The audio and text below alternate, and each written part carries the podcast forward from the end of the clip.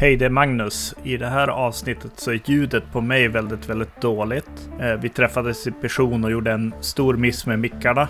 Eh, hoppas det går bra, annars hörs vi i nästa avsnitt.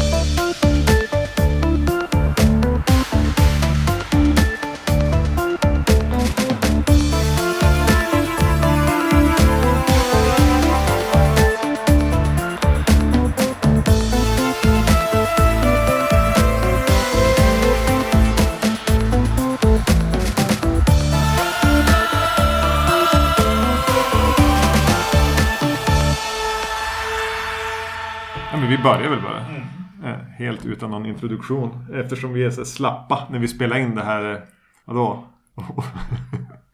År. Nyårskrönikan. Yes. Årssammanfattningen. P- slöprata om antologifilmer och, och, och lite grann sådär. är väl ungefär det vi brukar göra. Yes. Vi har inte ens presenterat oss men jag tror att om man lyssnar så vet man vad vi heter. Så. Jag heter Magnus i alla fall. Ja, Erik här. Ja, men vi kommer att prata om Creepshow 2 om en liten, liten, liten stund. Mm. Men bara någon dag innan vi skulle spela in det här så eh, skrev en, ja, både en lyssnare och eh, en bekant till mig, Erik som har, även har podden Myrornas krig och bara skickade en YouTube-länk. Mm. Och sa den här verkar lite vacancy. Okej. Och, och det var en, en eh, visade sig vara en spansk kortfilm från, vad sa vi, 70? Två. Ja, som heter La Cabina. Ja. Så vi tänkte att vi ska ändå snart spela in det här avsnittet. Så varför inte dryga ut Creepshow 2 med, med en spansk 30 minuters eh, tv-grej. Mm. Om en man som blir instängd i en röd telefonkiosk. Precis. det handlar det om. Eh, eh, tack för tipset. Ja. Måste man säga först och främst. Eh, Ja, det här var ingenting jag hade någon som helst aning om att det existerade eller i vilket sammanhang den har liksom bara gjorts. Eller va- varför den har gjorts. Den verkar ju vara gjord för spansk tv. Eh, kanske i något lite så här Twilight Zone. Eh, eh, kanske inte program men anda. Precis, det, kom, det kommer ett gäng med en eh, la, lastbil och med en röd telefonkiosk eh, på. Ja. Och eh, de eh, fyra, fyra män eh, bär ut den här telefonkiosken och sätter den på mitten av, av en sån här innergård typ. Ja, och eh, Körde ifrån. ja, precis. Sätter fast den i marken och kör därifrån helt enkelt. Lite som att det är en gerilla-grej. Ja. Det här är inte Televerket. Nej. Ja, jag får, jag får väldigt... Eh, jag, jag får... Ja, du sa Twilight Zone, men jag, jag får väldigt mycket Hitchcock-vibbar eh, i början här. Eh, jag, Hitchcock. jag tycker att det är en, en, en sån här setup han skulle verkligen gilla. den är väldigt enkel. Den är, den är så här bara, ja, här, här på innergården så, så finns det en grej. Och jag tror att jag fick de vibbarna också av att kuren här filmas på ett visst sätt. Det står någon, någon lite halvtjock gubbe och vattnar rabatten bakom den medan den är så här lite, lite hotfullt i förgrunden. Eh, och sen så kommer en pojke och studsar en boll in i kuren. Det finns en viss liten sån här Hitchcock-spänning i det på Mm. något sätt. Det är någonting som inte stämmer överens och, och någon kommer och, och föser undan pojken ur kuren. Bara, ja men vänta inte här för länge typ. Mm. Det, det, det var någonting som fick mig att tänka på, ja men det här kunde vara en Hitchcock present. Ja, kanske. Kanske. Jo, alltså, jo, jo, ja, mer än Twilight Zone på det sättet. Ja, Eh, och ehm, lite det här fel man, fel plats bara. Han Ja, har precis. bara omständigheter råkar ju leda till att han hamnar där. Och så sluts som, han går in och ska ringa ett samtal. ja en, en, en man, eh, vad han nu kan vara. Ser ut att vara en affärsman. Ja, tänker att han jobbar på bank. Ja, Ska ringa säkert ett eh, jobbsamtal in, av någon anledning. Och den bara stänger sig om honom han kan inte komma ut. ja, Ja men den har som så många vägar den kan gå därifrån. ja. För jag tänkte bara, ja men... Ja, vart ska det här? Och, och, och först då dyker det upp folk som försöker hjälpa honom. Det blir nästan lite fars eh, över det. Och de står som runt och en del gör narr av mannen och några försöker hjälpa på olika sätt. Någon är stark och ska bryta upp den och tackla upp den och gör som en grej av det. Blir lite jag menar, absurd, Ja. surrealistisk touch och det blir en jättefolksamling runt. Så jag bara, ja, det var inte riktigt det här jag hade väntat mig. Nej. Är det någon slags politisk satir? Mm. Eh, det är det nog kanske. Jag, jag Mm. får inte riktigt fatt i den. Jag tänkte, ja men det här var ju ganska lättsamt. Eh, även om det blir lite det här mardrömslika. Eh, att vara fast någonstans och helt uttittad och det går inte att komma ut. Man får, det blir, li- jag tänkte ganska mycket på Buñuel när jag såg den. Nu vet jag inte om du har Nej, sett så nej. mycket Buñuel-filmer förutom Andalusiska hunden. Men, men, men det här känns som ett koncept han skulle kunna hitta på. Det blir något slags en mardrömslikt frustrerande över enkelheten i det. Mm. Men det går ju som inte att fastna i en telefonkiosk. Men det har ändå hänt. Ja. Hur reagerar då eh, människor på det? Ja, eh, och just hur, hur människorna runt agerar är ju en sak. Eh, mannen där i har ju en helt annan upplevelse än dem. Ja. de som har det lite, lite mer lättsamt. Att så här, Oj vad, vad tokigt han fastnade i en telefonkiosk. Eh, det, det är ju lätt att lösa. Alltså det kommer lösa sig. Ja, Eh, Så att det är ju ingen fara egentligen. Så vi kan ju retas lite och sådär. Och det känns som att han går igenom den eh, färden också på något sätt. Att så här, ja men nu är jag fast, hjälp mig ut. Eh, frustrerad över att vara fast. Och sen uttittad.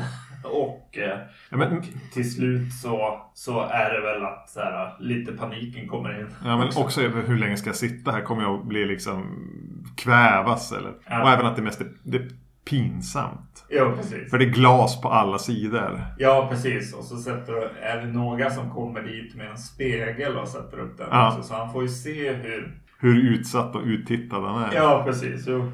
Till och med någon som kommer att ställa dit en stol där en gammal kvinna får sätta sig. Ja, Det är där, man, det är där jag får väldigt mycket Buñuel-vibbar av det. ja. Eh, och, och, och, och den är lite så burlesk fars. Eh, surrealistisk fars. Mm. Till två, kan det vara drygt halva filmen av de här 30? Ja, precis. Och sen kommer brandkåren dit. Eh, den, alltså den är nästan lite rolig hela tiden. Ja, Eh, brandkåren kommer dit och någon reser en stege och klättrar upp. Och, först kommer med, med brandslangen springande. just det. Och bara, "Vad- den där behöver ni inte. Vad ska ni med den där till? Det är ganska roligt. nej, nej, dumstrut. Ja. Då kommer de med stegen och så just när de som ska svinga den här stora släggan, det är glastak också, ska svinga släggan i den. Så ko- kommer en bil och tutar frenetiskt och det är den här bilen som har ställt ut telefonkiosken i början. Mm. Som bara, ja men vi löser det här. De ankrar loss den ur marken, kör in de här stötterna, bär upp den på flaket och åker iväg bara med, med han stående i den. Ja, det är som då den tar en vändning till att bli riktigt obehaglig. Mm. För sen åker han länge på det här. Och det är ju bara, han blir mer och mer varse om att någonting är åt helvete fel. Va, vad är det här? Ja. Det är då det blir rätt obehagligt. Samtidigt som alla kan titta på honom där han står. Jo, vilken, vilken eh, my, mycket trevlig och behaglig vändning i filmen. Eh, den, den, den fastnar ju där på, på innergården. Börjar där, sitter fast där. Kameran är med honom väldigt länge. Fast på en plats. Eh, jag kan inte tänka mig att de här 30 minuterna ska göra någonting större med det konceptet Nej. egentligen. Och så helt plötsligt så åker vi på en, en resa med helikoptrar och, och filmar på motorvägen och liksom verkligen gör en stor produktion Ja, liksom den- av det här Den åker, rörelsen. den åker ju länge och det är väl fotat hela tiden. Det Ja. måste man ju säga om hela filmen. Den är ju snygg. Den Ja. ser ju Mm. fantastiskt bra ut. Även i den här lite halvsunkiga återgivningen i, i, på Youtube där vi då såg den. Och det är där jag tror den finns. Men, Ja. men, men, men att den får åka så länge längs någon motorväg, längs någon mindre väg. i- Genom stad, genom landsbygd. Och han bara står där på det här flaket i den här röda telefonkiosken. Det är häftigt. Och musiken som börjar dundra när, han, när de åker bil i någon slags operett, opera. Ja, det börjar komma opera där mot slutet. Ja, Eh, ja, det och- kanske är mer när de når målet som det verkligen börjar hamra opera. Ja, och man börjar, börjar känna... eh, Där börjar jag känna av eh, John Carpenters dystopier liksom. Halloween 3 och Prince of Darkness och lite sådana vibbar fick jag eh, i, i slutet. Ja, lite såhär Nigel Gneel. Ja, precis. Gneel. Ja, Och jag, jag började så här bara, är, är den så här Lovecraftian eller Ja, du, liksom, du vad händer här? mumlade det till mig. Ja. Bara, ska, ska han till Cthulhu nu?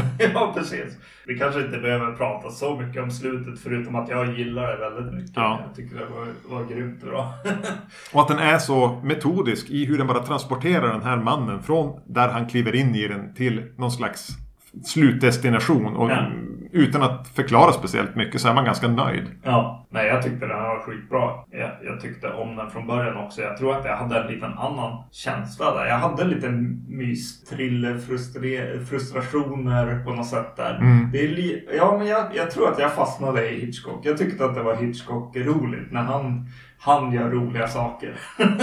när med den här med de här barnen och så som börjar reta han liksom när, när det faktiskt är någonting som är otäckt och Mm, otrevligt mm. liksom. Men eh, ja, nej, jag tyckte det var, var en mycket trevlig rekommendation. Och den är ju lätt att hitta också liksom. Sök på La Cabina på YouTube. Jag, jag, jag känner inte att jag liksom uppmuntrar till någon slags illegal streaming genom att göra det. För jag tror inte den finns någon annanstans. Nej, precis. Nej.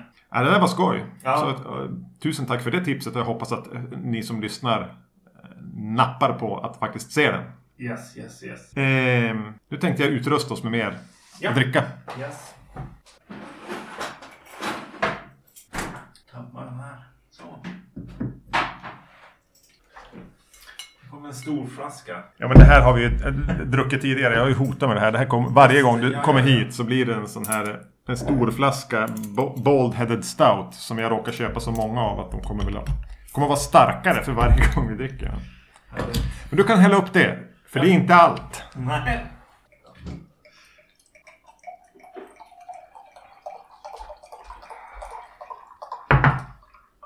Ja, du får hälla upp åt mig också. Yes. Så. eh, Jag tänkte vi skulle vila den där. Det är inte så att jag har druckit upp den. Den här Glengoyne-flaskan. Att jag nu försöker mörka det på olika sätt. Ja. Det är inte, inte det. Men jag har här. Jag ska dricka, jag ska dricka vodka. Jaså? Åh! nu ska vi dricka Dan Aykroyds. Crystal Head vodka.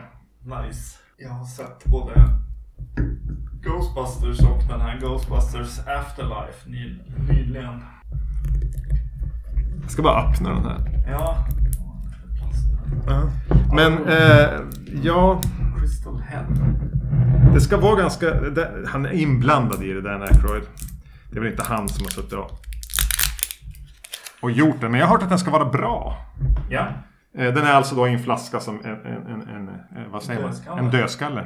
Finns att beställa. Det finns många olika. Det fanns en Pride som var lite så här regnbågstonad. Då. Jag har sett eh, många intervjuer där han, när han tar upp den. Så han har ju verkligen sålt, sålt in den här.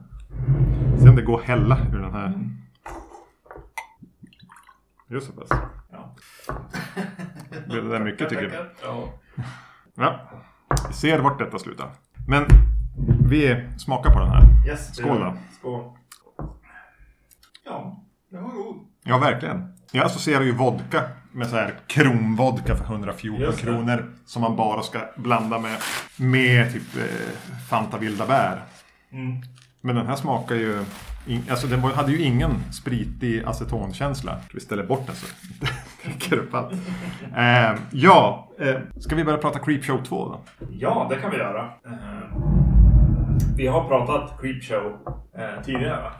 Så nu kommer vi till tvåan. Det har blivit en tv-serie nu nyligen också, har jag för mig. Det finns en, även en 3. Just det. Kommer vi dit? Kanske inte. Kanske inte här, precis. För den är gjord på den här. Jag vet inte. Nej. Sidan av 2000-talet. Ja, jag tror det. Jag jag hade tänkt att jag skulle kolla upp vilket avsnitt vi pratade om Creepshow. Men naturligtvis inte, men det är säkert fem år sedan. Ja, eh, precis. Arrow släppte en Creepshow 2-utgåva för ett tag sedan. Ja, Det är flera år sedan också förmodligen. Ja. Så den har stått där ja, och väntat på oss eh, på ett nyår helt enkelt. Mm. Ja, men som sagt var det är tre... Lite samma koncept som i Creepshow. Det är tre berättelser, det kanske är fler i Creepshow. Nej, det... Är det inte det? Nej, jag minns inte. Ja, pass. Ja. Det är inte Romero som har regisserat den här gången. Men det är baserat på saker som King har skrivit. Ja. Ish, tror jag. Och George Romero har eh, skrivit manus. Ja. Undrar om han har gjort det. Tror du det? Ja, jag, han har manus-credit, jag vet. Ja. Men har han verkligen gjort det? Alltså jag tänker ju att det här, är- alltså nu, nu bara fantiserar jag här. Men jag tänker att det är en film som cirkulerar kring eh, George Romero fortfarande ändå. Eh, man man får, en, får en känsla av att de är på samma platser som i Night of the Living Dead. eh, och eh, folk som han jobbar med eh, dyker ju upp. Eh, Tom, Tom Savini, eh, The Creep och regissören här. Mm. Michael Gornick som fotade första Creepshow och vad var det? Någon av... Var det? Day of the Day Dead. of the Dead. Ja. Så det är en fotograf som har fått ta steget över och göra lite film. Han har inte gjort jättemycket utöver det här. Alltså någon, någon episodfilm och någon tv-seriegrejer. Mm. Eh, Det är väl en anledning kanske att han är fotograf och inte ska tala om för skådespelare hur de ska leverera sina repliker. Men det kan vi återkomma till. Ja. Ramhistorien Mm. är det här. Jag vill att du ska förklara den. För den börjar i en eh, alltså, f- spelfilmsversion. Ja. När en bil i en långsam scen. Det är som att mycket går långsamt här för att nå upp till 90 minuter. Ja. Är jättelänge vi bara filmar på någon småstadsgata. Ja. Och så kommer en lastbil och kör va? Ja. En, Den, den ja. levererar Creepshow-tidningen helt enkelt. en liten pojke har stått och väntat på den jättelänge. Mm. Och då i, i bak i den här bilen som, som slänger ut den så är det ju då Tom... De som är precis som han är, bara helt som vanligt. Ja, det är helt som vanligt. Nej. men i en, en, så här, någon slags så här, creep-sminkning. Ja. Som ser fruktansvärd ut. Ja.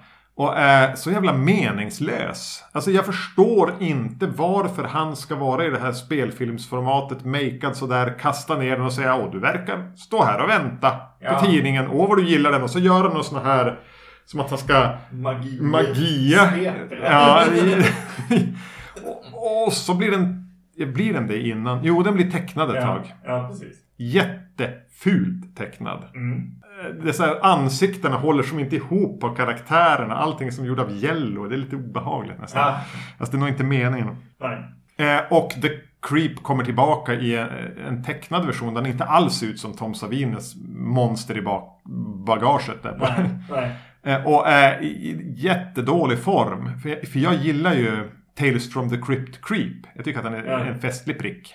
Ehm, med, med alla sina puns. Ja. Men här är det som att han inte riktigt hittar dem eller har glömt dem eller så här, virrar bort sig eh, och bara låter gammal och slö. Så hela ramverket de försöker etablera, både förvirrat och ganska uselt. Ja. Jo.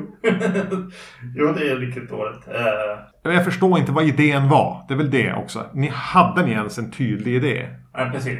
Alltså jag, jag gissar på att det är baserat på originalomslaget, affischen till, till filmen Första Creepshow. Där en pojke är ett stort fan helt enkelt av, av Creepshow-serien och har en affisch på väggen och sådär. Mm. Eh, Att det är det som är, är det de vill ska komma till liv här. Men det är ju så dåligt utfört helt enkelt. Ja, precis. Tales, Tales from the Crypt, Crypt, Crypt, Crypt Keepern är ju betydligt bättre. Bättre än det här Creepet. Som eh, försöker, ja, han försöker sig på lite pans men det, det landar inte i början. Så, Ah. så eh, eh, han som gör rösten om det är Tom Savini. Eh, Ja, det var någon annan som var credited som voice. Och, Ja, just det. Ja. Han, han försöker ju som få, få den här, det som är skrivet att vara någonting som är lite kul. Mm. Men det är, det är inte kul. Det, det, det är bara någon liten pann som jag tyckte var kul i, eh, vid något tillfälle. Men det To var ju för att den var för dålig. Ja, precis. Ja, den, var, den- var ändå nästan Crypt Keeper-klass på. Ja, ja. ja, precis. Och sen är ramverket... Nej, men jag vet inte. Det är inte, inte värt att ta upp egentligen. Men, men de, de kommer ju upp senare i, i filmen så, så dyker det upp att han också har beställt eh, sån här Venus eh, Flytrap. Eh, Ja, köttätande växter. Ja, köttätande växter. ja. Och sen så kommer Stephen King-mobbarna. Eh, de som är elakare än elaka. Liksom. De är alltid tre. Ja. och, och otroligt elaka. Och så blir det väl en liten historia där helt enkelt. Som går genom filmen. Mm. Den är inte, och, den är inte bra. Eller den, Nej. och där hade, alltså just med de här usla, usla animeringarna. Mm. Ja, skulle ni ha haft den så skulle ni låta den vara spelfilm hela vägen. Precis. För i slutet då så får vi en animations-payoff med jättestora uh, Venus flytraps och bla bla. Och så zoomar den som mot ett stängsel och, och så då glider den över till att vara spelfilm igen. Ja. Till ett stängsel och så glider kameran ut på en väg och där kommer den här lastbilen igen med med The Creep, eller Tom Savini i den där fula sminken som står bara och kastar ut tidningar på vägen i en liten land... Ja. utanför en håla typ. Ja, precis. Jaha. Ja, det är konstigt. Det är som att Ja men alltså det är väl komp kompisgänget förmodligen. Tom, Tom Savini bara Åh kan inte jag få vara med? jo, jo du kan vara med. Gör du effekterna utan att ta betalt för det Ja just det. så får du, får du vara precis vad du vill. Ja, jo precis. Det är nästan som att de dissar tidningen genom att stå och bara kasta den sådär. det är Ja, inte som att de precis. gillar den då. De bara Nej. kastar den på gatan så att bilar kan köra på den. Jo, om det hade varit många ungar som hade varit och försökt få tag i den. Ja. Han står bara och kastar ut den ur bilen. Det är som att han är sur för att ingen vill ha den. Här finns inga människor Ja. här ute. eh, Utanför Pittsburgh som jag tror att det är. Men det är väl, ska väl vara i Maine någonstans där. Ja. Eh, Första berättelsen, Chief Woodenhead. precis. Den här, min- ja men det kan Ja, vi väl säga. Vi har, ja, det här är ju någonting vi har sett tidigare, så på Ja. femman. Den, den här har man ju en relation till. Mm. Och vi har ju sett den tillsammans också. Mm. Vilket vi kan återkomma till när vi kommer till del två. Men jag mindes vagt den här med den här träindianen utanför butiken i den stendöda ökenhålan. Mm. Som får liv för att hämnas butiksinnehavaren. Som Mm. blir mördad av tre Stephen King-mobbare. Som här har blivit lite äldre och rånar och mördar. Ja. Och eh, jag mindes inte så mycket mer än att det var den här trä som sakta, sakta började röra på sig. Mm. Och återigen, sakta, sakta. Ja. Alltså det så, känns så hemskt när den här presenteras att, att jag sitter och bara Kom igen! ja. Står George Kennedy spelar huvudbutiksinnehavaren. Han står typ och surrar med sin fru. Ja. Om, eh, ja, borde du inte sälja den här kära George Kennedy? Nej. Jo. Nej. Tänk, kan du inte bara försöka leva lite grann? Ja, men jag har ju levt. Alltså, det är det där tempot. Och det, jag känner mig så hemsk för att jag brukar ju vilja att berättelser, berättelser ska få andas. De ska få sätta en karaktär, en stämning kanske. Mm. Men här vill jag ju bara stå och skrika faster, more intense. Ja, exakt. Och George Kennedy är inte bra här. Nej. Eller om han är, alltså både han och hans fru här som verkar vara någon gammal eh, erfaren skådis också. Ja. Att de är tillsagda att spela på ett tillgjort Mm. sätt. Jag vet inte. Eller om det är Gornick som inte som bara lämnar dem. Jo. Och står bakom kameran istället och försöker få in få ljuset att falla rätt eller någonting. Jo, precis. Jo, det verkar som att de vill ha den här äh, slöa, eh, döende staden. Liksom. De vill ha den andan och de vill ha det in i karaktärerna. Att de är slöa och döende. Jo, men lite grann. Alltså, för det finns någon, någon scen där de kommer ingående in i butiken när hans eh, ja, indiankompis kommer Mm. och ska, ska lämna över en gåva. Alltså det tar så lång tid innan han kommer bakom disken. När han kommer sig till bakom disken. Det är verkligen gjort för att det ska ja, kännas segt helt enkelt. Jag vet inte. Ja, jag, jag tänker bara att de vill fylla Ja, tiden. tiden. Jo, jo, jo så är det nog. Jo, jag minns den här väldigt tydligt. Alltså, eh, ja, det sa vi säkert i Creepshow avsnittet också. Det minns jag inte. Men det är en film jag nog har mer relation till Ja. än, än eh, originalfilmen. Eh, filmen, den Jag här med. filmen. Jag med. Eh, och eh, den här indian, liksom delen av det är ju någonting som jag kände då också var lite segt. Men att jag minns hämnden ganska mycket. Och den är ju inte seg alls. men det kom- kommer vi kanske till. Mm. Ja, precis. Nej, men han, han får ju... Det kommer ju ett, ett gäng här, de här bull, bullisarna som Ja. du pratar om. Eh, och ha, ska råna stället. I en evighet. Ja, då slås Creepshow-belysningen igång. Ja, de går in igen i, Ja. i, i butiken. Det är som så rött ljus snett nerifrån. Väldigt stiliserat helt plötsligt. Precis, det här rödblåa tror jag det är va? Som, som fanns i, i den här boxdelen eh, av, Mm. i första filmen. Och eh, den går igång här. Den, den är ju lite konstigare att köra i en cowboybutik, en dammig liksom cowboystad. Eh, men eh, samtidigt så har de brytt sig ganska mycket om att sätta fotobåset som finns där inne och flipperspelen eh, på den sidan där det starkaste liksom, Ja. röda ljuset kommer Just det, ifrån. just det. Mm. Jag tycker att det är lite charmigt på något sätt. Ja. Eh, Att bry sig överhuvudtaget. Det bara ska gå in i comic book-belysning. eh, Liksom. Det måste finnas en källa till det. exakt, exakt. Ja, jag vet inte. Vad kom först då? Eh, att han ville ha en källa för ljuset och tänkte vad kan finnas, vad kan finnas, vad kan finnas? Ett photobooth. Ja, Eller tänkte han, jag vill att den här långhåriga odrägliga rånaren Mm. ska gå in och ta bilder på sig själv för att han är så otroligt egenkär. Mm. Så att därför måste det finnas ett photobooth där. Mm. Eller var det bara en anledning att få en ljuskälla? ja precis. Ja. Eller handlar det om att fylla ut speltiden? Ja, just den här ledaren av, av eh, Bully-gänget. Det satt jag och tänkte, vem är det där? Vem är det? Vem är det? Jag känner igen den snubben.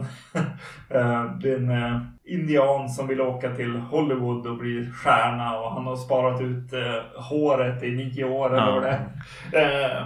Och vill ta kort på sig själv i, i fo- fotoautomaten där. Och jag vet inte om du har sett eh, Mind Hunter-serien? Nej. Nej, okej. Eh, då får jag prata med publiken, med lyssnarna. Jag kan Eh, försöka haka i, på. I den är det en, en genomvit gråhårig gubbe som är med en av huvudrollerna. Eh, som är hårdkokt snut där.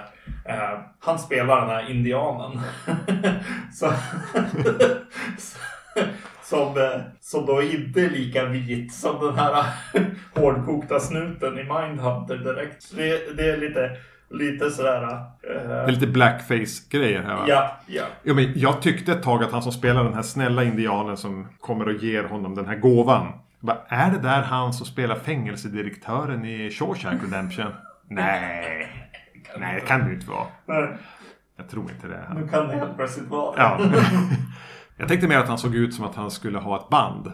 Ja, Alltså lite Tony Ja. Danzig-aura. Ja, jo, jo, definitivt. Eller Peter Steele möjligtvis. Det som kanske händer ibland i så här revenge-filmer, hämndfilmer. Mm. Eh, det är att eh, filmskaparna fokuserar på det hemska som händer Ja. personerna snarare än hämnden. Mm. Och eh, det tycker jag att den här filmen gör. Det går så jävla fort. det, det är väldigt eh, så här, åh, bygger upp för, för den här liksom. Hela det här rånet är skitmycket det, del av filmen liksom. Eh, och eh, som slutar ju att de blir mördade helt enkelt. Ja. George Kennedy och fru. Ja, driver stället. Ja, det dras ut på ganska mycket. Och så helt plötsligt så växer ju då den här träindianen till liv och bara snabbt avverkar. Alltså scenen när han vaknar till liv är ju nästan längre än när han sen eh, hämnas på de här tre. ja, Han knarrig och långsam och tar någon färg och målar på och så ifrån sig något yr eller vad det ska vara. Och det är ju någonting, det är här man börjar undra, men hur mycket, alltså hur mycket, hur mycket är det menat att det här ska vara på skoj? mm, För han är så vanvettigt långsam. Ja, Jag kan inte tänka mig en mördare hämnare i någon film som har rört sig långsammare än den här. Han måste ju på något vis använda hämndmagi till att ta sig till de här platserna där de är. ja. För skulle han gå dit då hade ju varit framme i när den här spelar i Mindhunter sen. Ja, precis. Jo. Alltså, så, och, och, Okej att han skjuter ihjäl någon med pilbåge. Ja, men det, det är väl rimligt. Jag tycker där är bra effekter. Man känner att det är Tom Savini. Ja, Eller det kan vi generellt. Ja, är det precis. skitbra effekter. Ja, jo det är det. Och vad, vad gör han med, Det är han som bara sitter och kollar på TV och blir skjuten tre gånger. Det är ganska, det gillar jag. Ja. Eh, men då tänker man att det är det första, sen ska det som det andra få ta lite längre tid och det tredje ännu längre tid. Mm. Ja, det tredje tar väl lite längre tid. Ja. Men det är så jävla snabbt avklarat. Jo, där är det i alla fall. Då har han ju fått leka i alla fall, regissören. Han, han eh, är ju fotograf så jag tänkte på det lite grann att så här, ja men här kommer det in lite av det här uh, comic book eh, framesen som, som George Romero försökte få, få in Ja, i, ja. i Creepshow. Han filmar ovanifrån och, och lite sådana grejer liksom. Som är lite små kul att se på. Även om indianen aldrig hade hunnit ta sig från dörren till den position där han tar genom väggen. Nej. Det hade tagit, det hade tagit två timmar. Hämndmagi. yes. Navajo-indiansk hämndmagi. Ja, ja. Ja, men samtidigt, om man då ska säga någonting om den här. Jag kan gilla när han gör sig redo, när han som vaknar till liv. Att händerna, alltså fingrarna sitter ihop. Alltså Ja. han är ju snidad ur trä. Ja, Av någon, alltså då är det väl rimligt att låta fingrarna sitta ihop. ja. Designen på han är inte tokig. Han är ju med väldigt lite. Mm. Framförallt sen han har fått liv. Ja. Då är det mest det här ylet. Alltså, Ja, det som jag tänkte på. Det är klart att vi, vissa grejer med, med att när han faktiskt är en staty liksom. Då, då leker de ju lite grann med att så här, han rör sig och gör lite grejer liksom. Ja. Men jag tycker han gör det nästan hela tiden. Så jag tänker ju att det finns nog ingen staty de har gjort. jag Nej, tycker, nej. Jag att det är Det är en stackars skådis. Snubben i makeupen som står där. Jo, nej det finns ingen trästaty. Ehm, det är såklart. Och sen är det lite skoj på slutet när då har han gått och ställt sig där igen och, och har skalperat den här med det sparade håret i nio och håller i hans blodiga hår och Yes. har, har till och med kanske förstärkt sin krigsmålning med blod, vem vet. Ja. Så kommer den här snälla indianfarbrorn, eventuellt spelat av fängelsedirektören i Shawshank Redemption. Ja. Förmodligen inte. Han kommer körandes i sin bil dit och ska väl dit och handla eller någonting. Och får syn på, på att han står där och håller i det här blodiga och... och ja, han, han, upp, han, nej, han åker ju dit för att han har fått den här gåvan tillbaka som de stjäl. Ja. Och, och anar oråd och åker dit och ser han står där med, med skalpen i handen och var är en staty igen? Och då blir han som bara glad. Bara, äh, sweet, så här, nu är allting Navajo. Ja. Men din kompis ligger ju där inne ihjälskjuten. Ja. Och ändå så blir du så nöjd för att det här var ett lyckligt slut. Du går Ja. aldrig ens in. Nej, han går inte ens in. Mycket märkligt. Ja, han borde ringa någon. Kanske begrava sin Ja. kompis.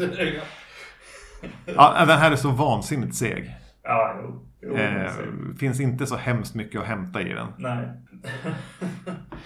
Men då går vi in till the centerpiece. Ja, precis. Och det här är framförallt den jag vet att jag har läst dessutom. Jag, är jag vet inte om den här Woodenhead är, Det kan den vara, vara en novell, King-novell Ja, eller den tredje delen. Men den här har jag läst. Mm. Eh, vi kan, eh, ur minne, nu är det ju, vadå? 30 år sedan jag läste den. Mm. Men jag kan ur minne försöka, eh, när vi kommer dit, vad som händer. Mm. Eh, det här är ju den vi har en relation till, som ett, ständigt pågående skämt. Yes. För det här handlar om fyra ungdomar som åker till en sjö, simmar ut till en sån här flytbrygga som ligger ute. Mm. Och blir attackerade och terroriserade av en slags eh, ondskefull köttätande oljefläck skulle man väl kunna säga. Någonting geggigt i vattnet som åker runt och Mm. härjar. Och, eh, någon kallar det för det är en oil Per, eh, perfect. Have you ever seen a perfectly round oil slick? Ja. Säger de. Och vi hade så roligt åt det här när vi såg den. För, för det, det är så tydligt att de har lagt ut en presenning i vatten och som geggar på det lite grann.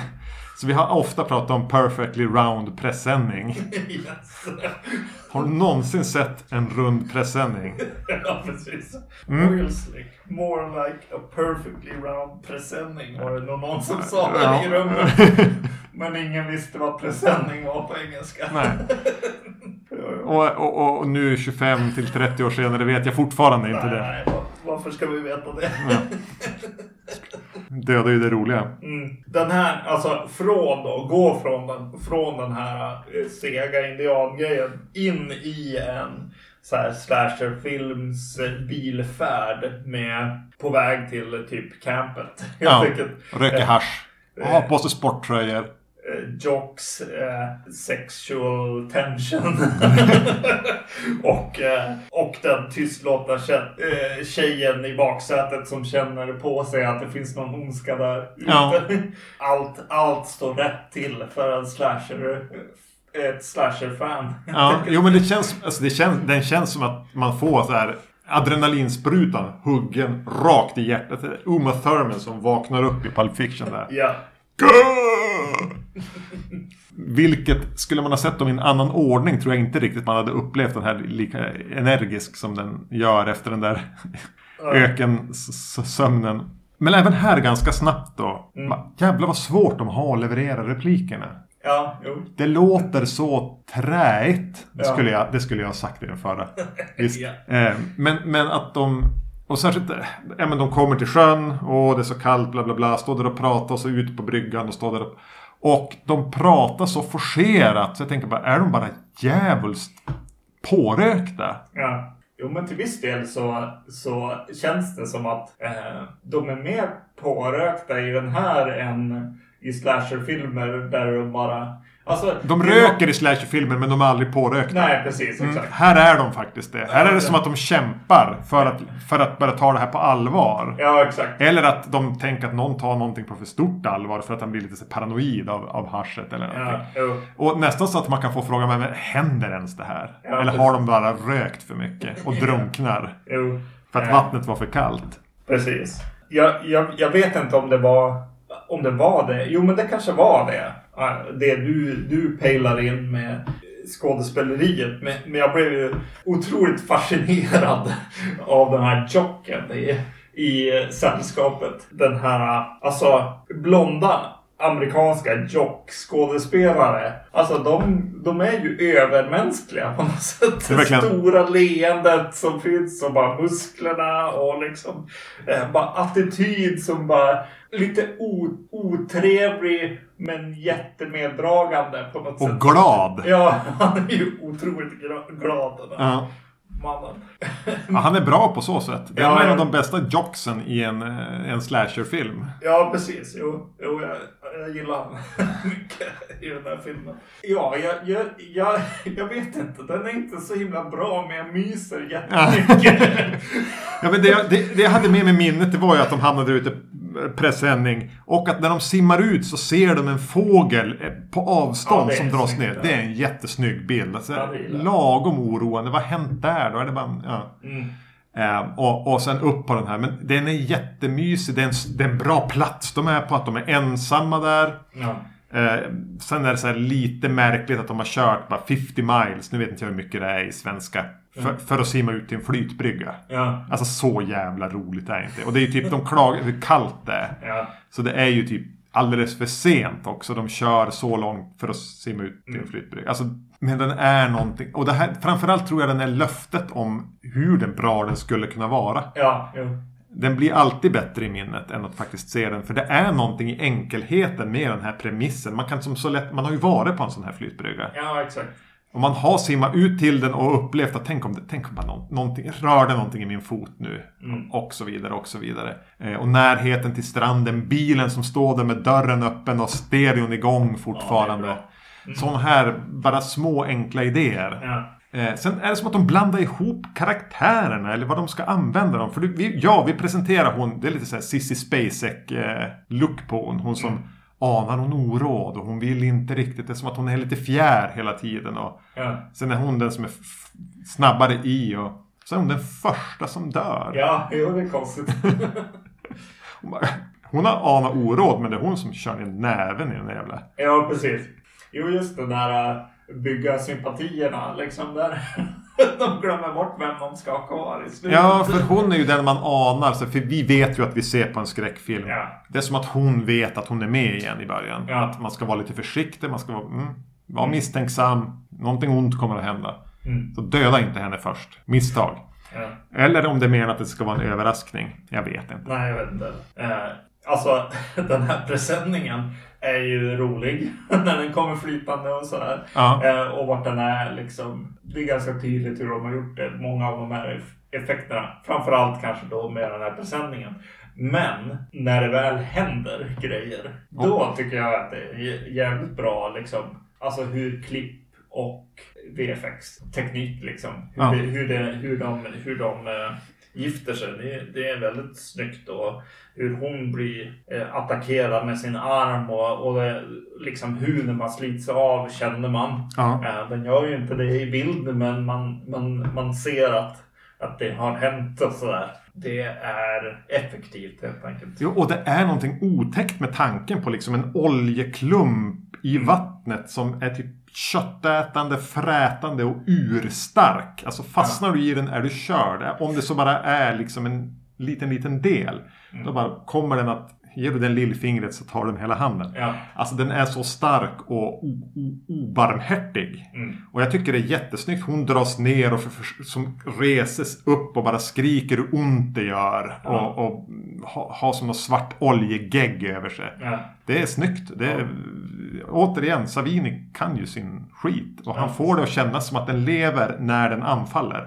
Ja, jo, verkligen. Från, från novellen så minns jag väldigt väl när de har upptäckt att en, jag tror de är fyra, jo men de måste ha varit fyra i den också. En dör ungefär sådär. Jag tror att den nästan kan, i den att den nästan hypnotiserar folk. Alltså att den, de börjar se så här Ja. grejer som, jag tror det är det som händer henne i romanen. I Ja. romanen, novellen. Att det blir som virvlar, att den, eh, man, man kan inte låta bli den riktigt om man tittar för, för djupt på den. De har ju, de har ju eh, en, en variant liksom. Det, det finns liksom. Det är den här geggan som är på folk som är jävligt cool. Ja. Eh, de har eh, presenningar för lång... Men den ska röra sig i vattnet om en ja, bit, precis. på lite håll. Bortifrån, liksom. Sen har de en, en tredje som är lite mer så här. Ja, vad är det för något? Det är som S- Svampigt på något vis Ja, nästan. precis. Mm. Eh, I vattnet. Och jag, jag, jag kommer att tänka på just de bilderna när du, när du berättar om de här hyp, hypnotiserande Mm, grejerna. Liksom. Hur som helst så, det jag minns starkast är att när person ett har dött så Mm. förstår de ju att de är illa ute. De är inte Ja. dumma. Och då ska jocken då, precis som i, i den här, ja men jag är bra på att simma. Nu är den under flotten. Ja. Nu, nu, nu gör jag det. Ja. Eh, men precis som då i den här så suger den tag, upp, trycker sig upp mellan, i springorna mellan Mm. flotten och får tag i hans fot. Men här är det- är en ganska jobbig scen. Mm. Men här så drar den ju som sönder plankorna och, och så. Det gör den inte i Nej. boken utan han dör jättelångsamt. Ja. Jag tror han till och med när han var vid mitten av låren så dog äntligen vad han heter. Skott. ja, just det. Eh, för att den, den liksom får tag i lite grann av foten och bara suger fast och, och fräter och äter sönder den nerifrån. Mm. Till slut var det bara en ring kvar. Ja. Och de kan som bara sitta där och försöka låta bli att titta på det här eländet som tar flera timmar. Ja. ja. Eh, det, det är jättesadistiskt i, i, i, i novellen. Sen kan man ju fundera att de inte då kommer på tanken att hoppa i och försöka simma till stranden. Ja, precis. De har ju med ringen här. Jag tycker att det är en jätteeffektivt avslut på, på honom helt enkelt. Mm. Men den gör ju inte jättemycket sens med tanke på att det har blivit ett ganska stort hål i Ja, flytbryggan. Men sen så, så åker handen mellan två, två plankor och, och eh, ringen far av liksom och, och är den som, som ligger kvar för den kan inte åka med ner längs plankorna. Jag tycker det är ganska snyggt. ja. Eh, Men Då skulle de låta bli att det blir ett större hål. Ja, och låta det här ta de här tre timmarna eller vad det tar. i. ja, i den. Eh, Och det andra som jag minns från den är att det som händer, då är de en, en, en jockens tjej och vadå, han som är typ läkarstuderande eller vad han är, Ja. kvar. Som måste hålla sig vakna och där, där, där, där. Och i, i, i, i, boken så är det som kanske att det har funnits någon spänning mellan dem, att de har gillat varandra. Och, och, och att de faktiskt börjar ha sex. ja, Eh, och hennes hår råkar hamna i vattnet. Men de, han är lite för upptagen med vad de gör. mm. Och hon eh, dras ner. Här, här, här börjar han ju förgripa sig på henne när hon har somnat. Ja, det är det som händer. Eh, Och det är, eh, är inte... Det kommer ingenstans ifrån heller. Nej, det kommer ingenstans ifrån och eh, det är borta från minnet utifrån effekten som, som sker när hon faktiskt dör. Mm. Det är det jag minns från den. Men jag bara, aj då. det här är inte bra. Nej, det är märkligt. Ja, det är väl samma sak där med, med att de här faktiskt är pårökta personer. det är någonting där med att så bara, Ja, just det. De är så här jobbiga studenter. Ja. Frat boys. Frat boys. Och Så här man gör. då, då händer sådär. Nej, nej, jag tycker inte att det, det, det känns inte bra. Nej, alltså- jag, jag tycker att, att, att, att de skulle liksom... Alltså att det, det byggs ju upp mot den scenen som du förklarar. Mm. Att så här, åh det är så kallt. Eh, vi fryser båda två. Vi måste stå och hålla om varann. Vi, Ja men låt Unga det leda kåta, någonstans. Och så bara, ja men, ja. och så vidare. Men nej, det gör bara det för honom. mm.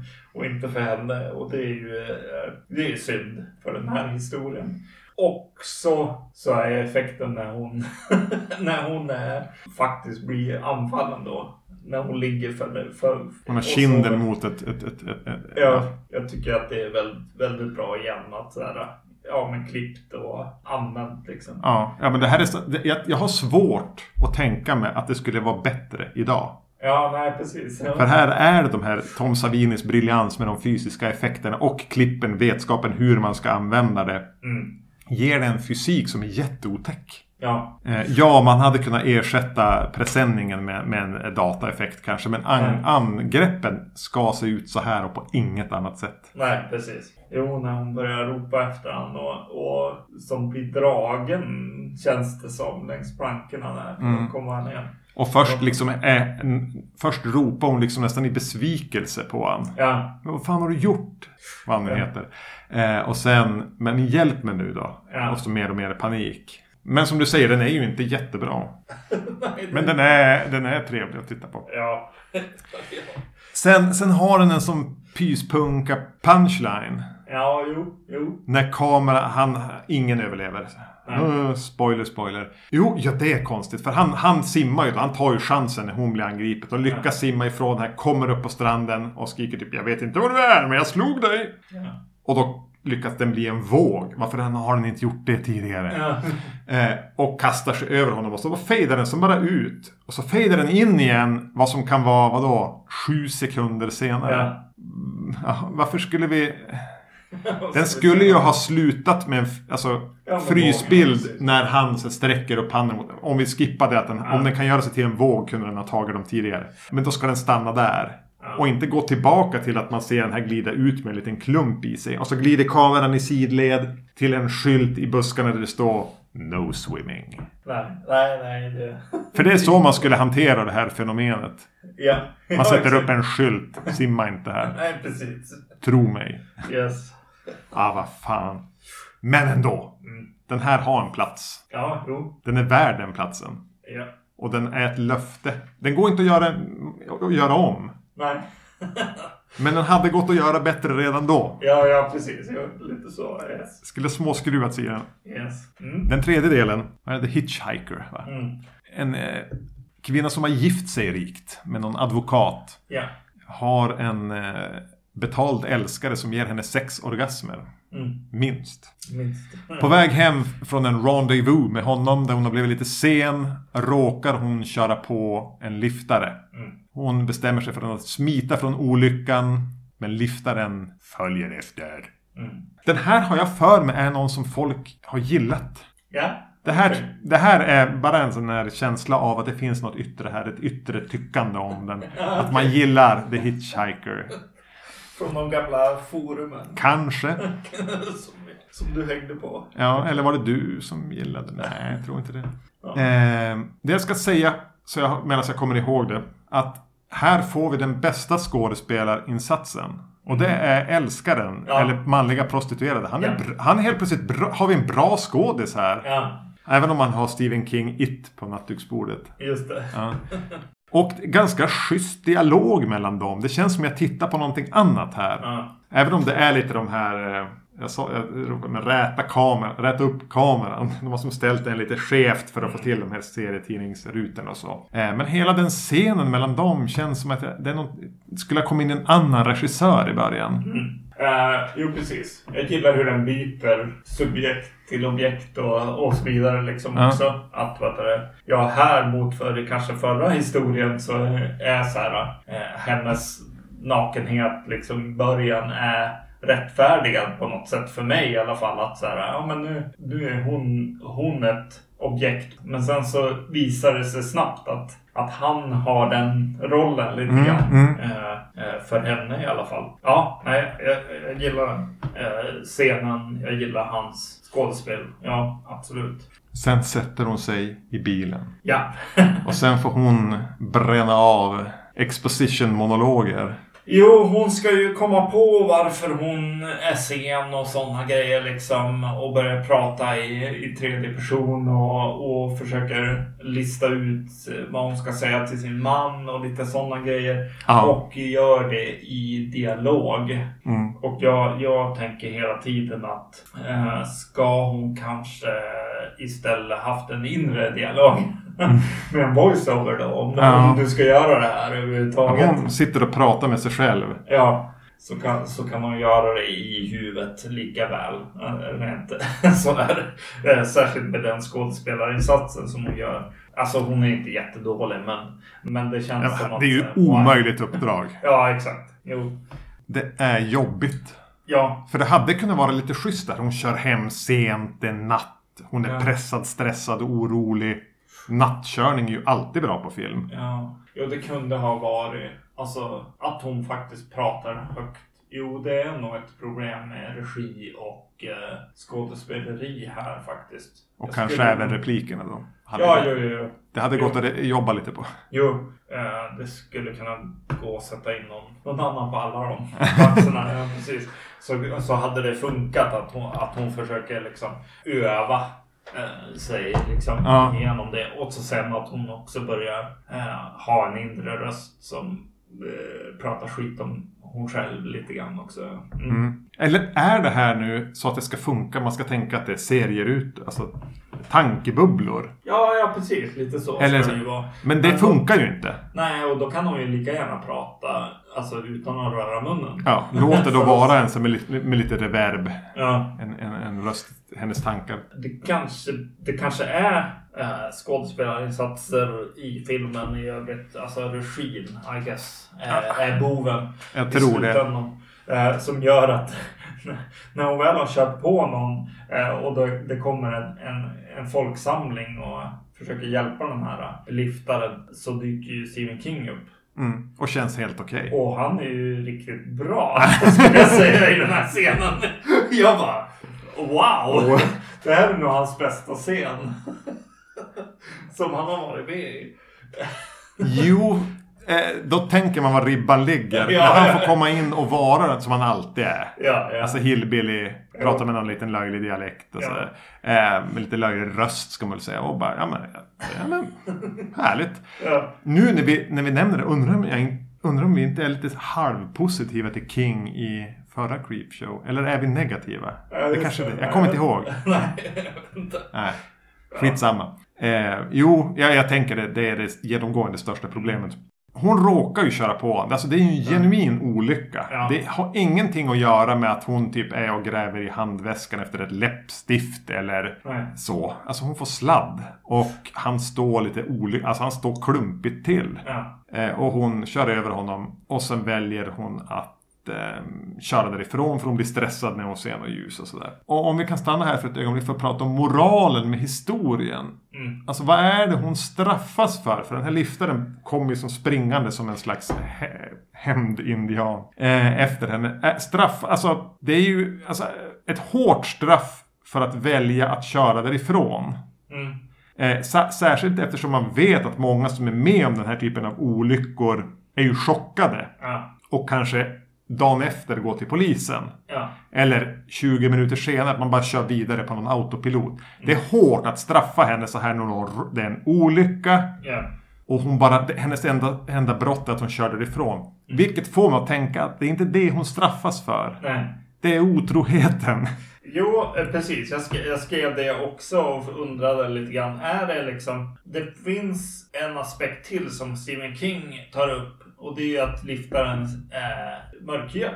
Eh, och eh, att eh, jag tänker lite, lite det också. De, pratar väldigt mycket om pengar. Det är mycket så här. Jo, hon pratar det hela tiden. Ja. Vita, Rika. vita rika människor och eh, det känns som att hon blir straffad för att vitas, eh, rika vitas skräck eller skuld till den eh, svarta människan också Ja. kanske. De har byggt sin, byggt sin rikedom på deras, genom att stå på dem. Ja, precis. Och det är det sista hon säger, det är ju typ Hur mycket vill du ha? Mycket vill du ha, ja precis. Det han gör är tack, tack för skjutsen, tack för skjutsen säger han bara Mm. till henne hela tiden. Och hon är livrädd. Eh, Så hon är ju en Karen-karaktär här. Ja. Eh, I den här filmen. Från, Hade hon bara stannat och sagt Förlåt. Ja, exakt. Det var en olycka, jag menade inte, jag skulle inte ha åkt. Nej.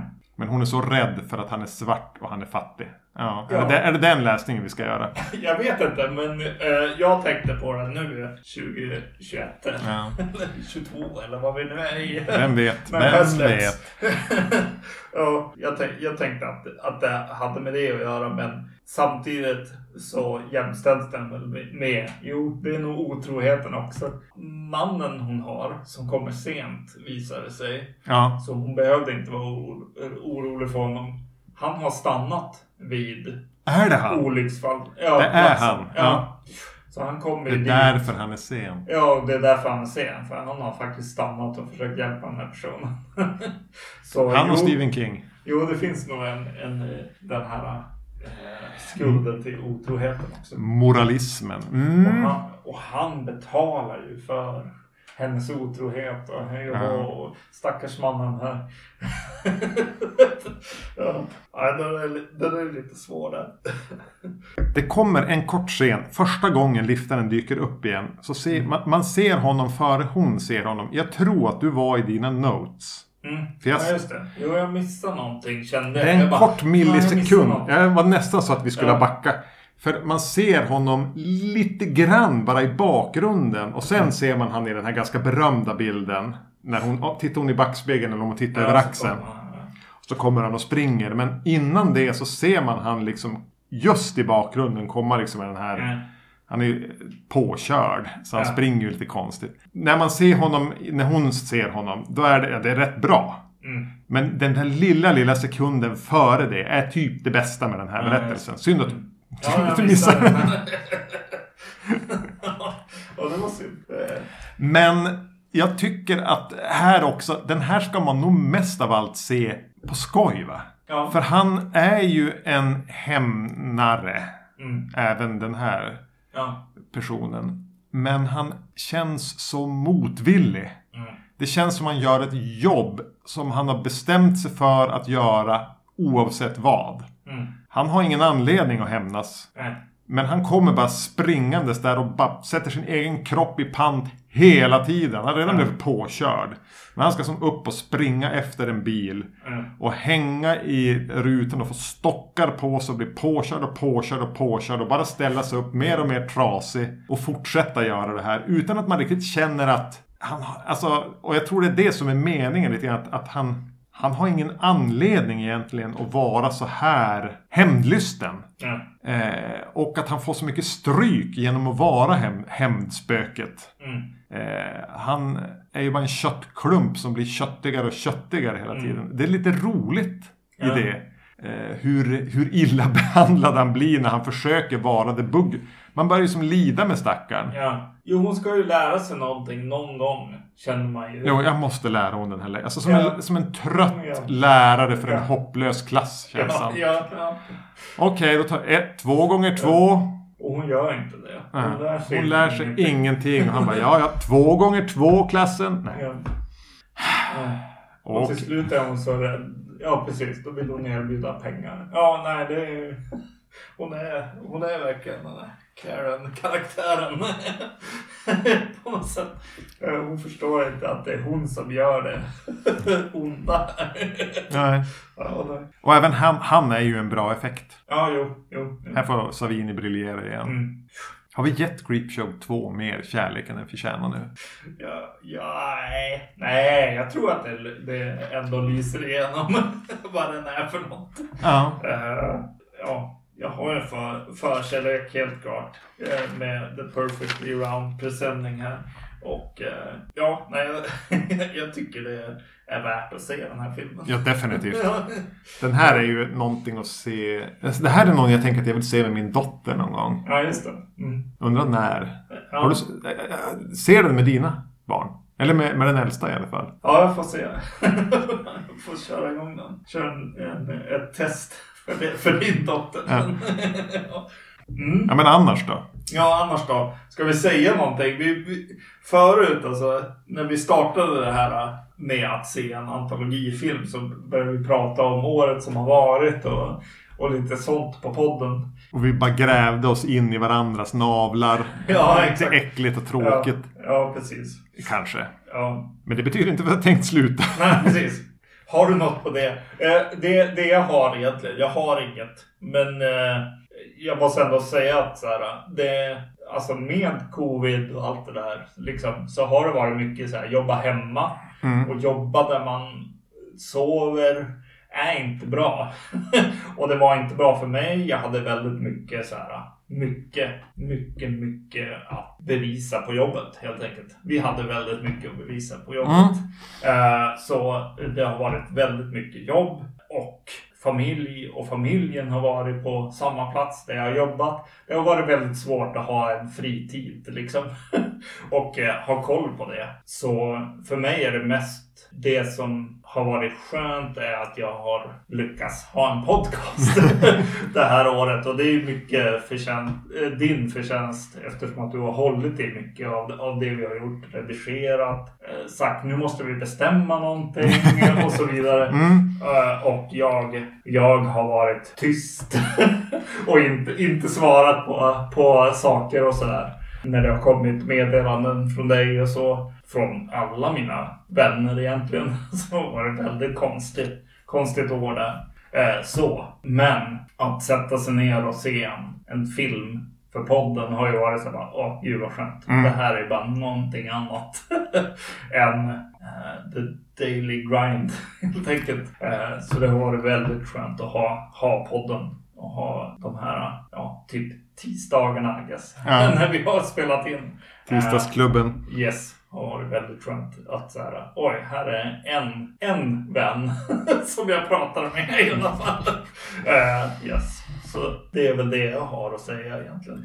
Det var ett skitår. Ja, ja Ett till. Jag tror vi sa så här när vi spelade in för förra året. För då var det också ett, ett Ja. eh, pandemiår. Men Mm. för jag är ju i mångt och mycket en som trivs ganska bra bara med att krypa in i min lilla fågelholk. Och Mm. dra täcket över huvudet och läsa eller se film. Jag har tänkt mig vara den som har ett ganska lågt behov Mm. av sociala kontakter. Och det är väl i sig inte fel. Mm. Men jag har en punkt. Jag har en gräns. Yes. För jag var väldigt ansvarstagande på jobbet med att jobba hemifrån. Alltid när jag kunde Mm. tog jag hem min dator och satt vid det här bordet där vi sitter och spelar in nu. Mm. Ensam. Körde tvättar medan jag jobbade. Gick runt här. Var bara in det jag behövde. Mm. Eh, Och förutom att det nötte ner min... Att jag satt på de här trästolarna. Ja. Jag har nu här, alltså jag har tagit en kudde som jag måste ha. Eh, och sitter på numera för att jag fick så jävla ont i rumpan. Ja. Jag fick ont i axlarna för att jag satt med en liten bärbar dator här och försökte skriva mina jävla journalanteckningar. Ja.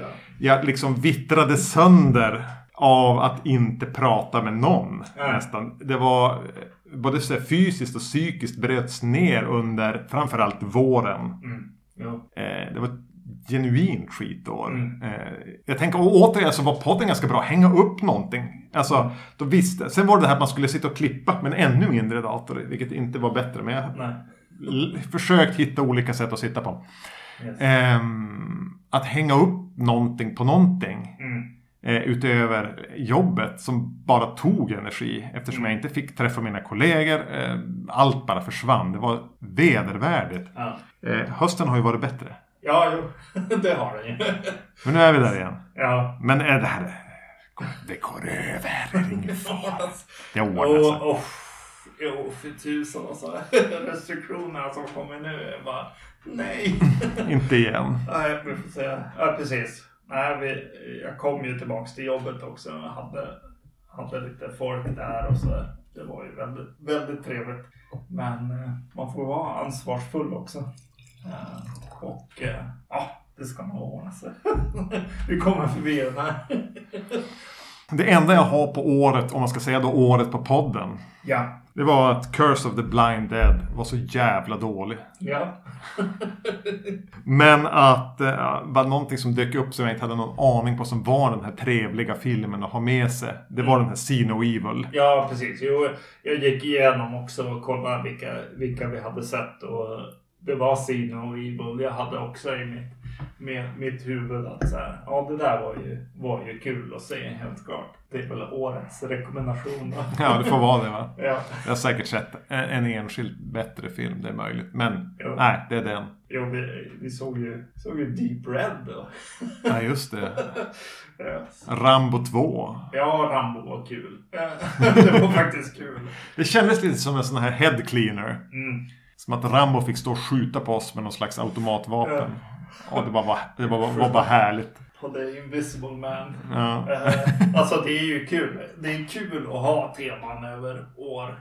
Det måste jag ändå säga. Men, men Invisible Man har nog varit lite trögt också. och bara Ja. längta till, till Verhoeven skulle komma in. Och göra sin sämsta film. ja. Ja, nej, det var väl typ eh, majoriteten, eller alla filmerna där utom första. Alltså originalet, Ja, är ju det är ju ingenting att se. Nej, nej. Det är lite deppigt när man då börjar med den också. Yes. Vi har väl inte pratat så hemskt mycket om eh, eh, 2022. Det vi vet, det är att vi kommer att fira 10 år då. Yes. I början av året, i februari. Och det kommer vi att försöka göra någonting med. Eller vi har en plan. Mm. Sen har vi inte pratat igenom det så mycket. Eller vet. Mm. Saker händer ju bara. Men vi får ju se om vi gör någonting överhuvudtaget. Vi har ju sett eh, Mondo Movie som vi var så inspirerade av Ja, vi just det. startade för tio år sedan. Eh, kommer tillbaka i år. Igen, ska vi säga. De gjorde ju en comeback. ja, Som eh, str- streampunk. just det. Men det gav upp. Nu gör de ett nytt försök. Ja, precis. Men nu har de i alla fall sagt, sagt att så här, ja, vi gör säsonger. Det kommer sex avsnitt nu. Jaha, du har, jag har inte tagit del av Jag, jag har bara tagit del av att de helt plötsligt sparkade liv i sin Facebook-sida. Och jag vibrerade. Ja, ja Så vi behöver inte... Vi, Ja. ja, men det är en jätterekommendation från I guess. Vi hoppas att det blir bra såklart. ja, utan att ha lyssnat på det så kommer det att vara den bästa podden 2022. yes, yes. Ja, Ska vi avrunda där? Ni... vi avrundar med, med den här sista. Just det. Crystal Head heter Botten vodkan. Botten upp. Ja, den är god alltså. Den går ju ner som Ja. margarin. yes.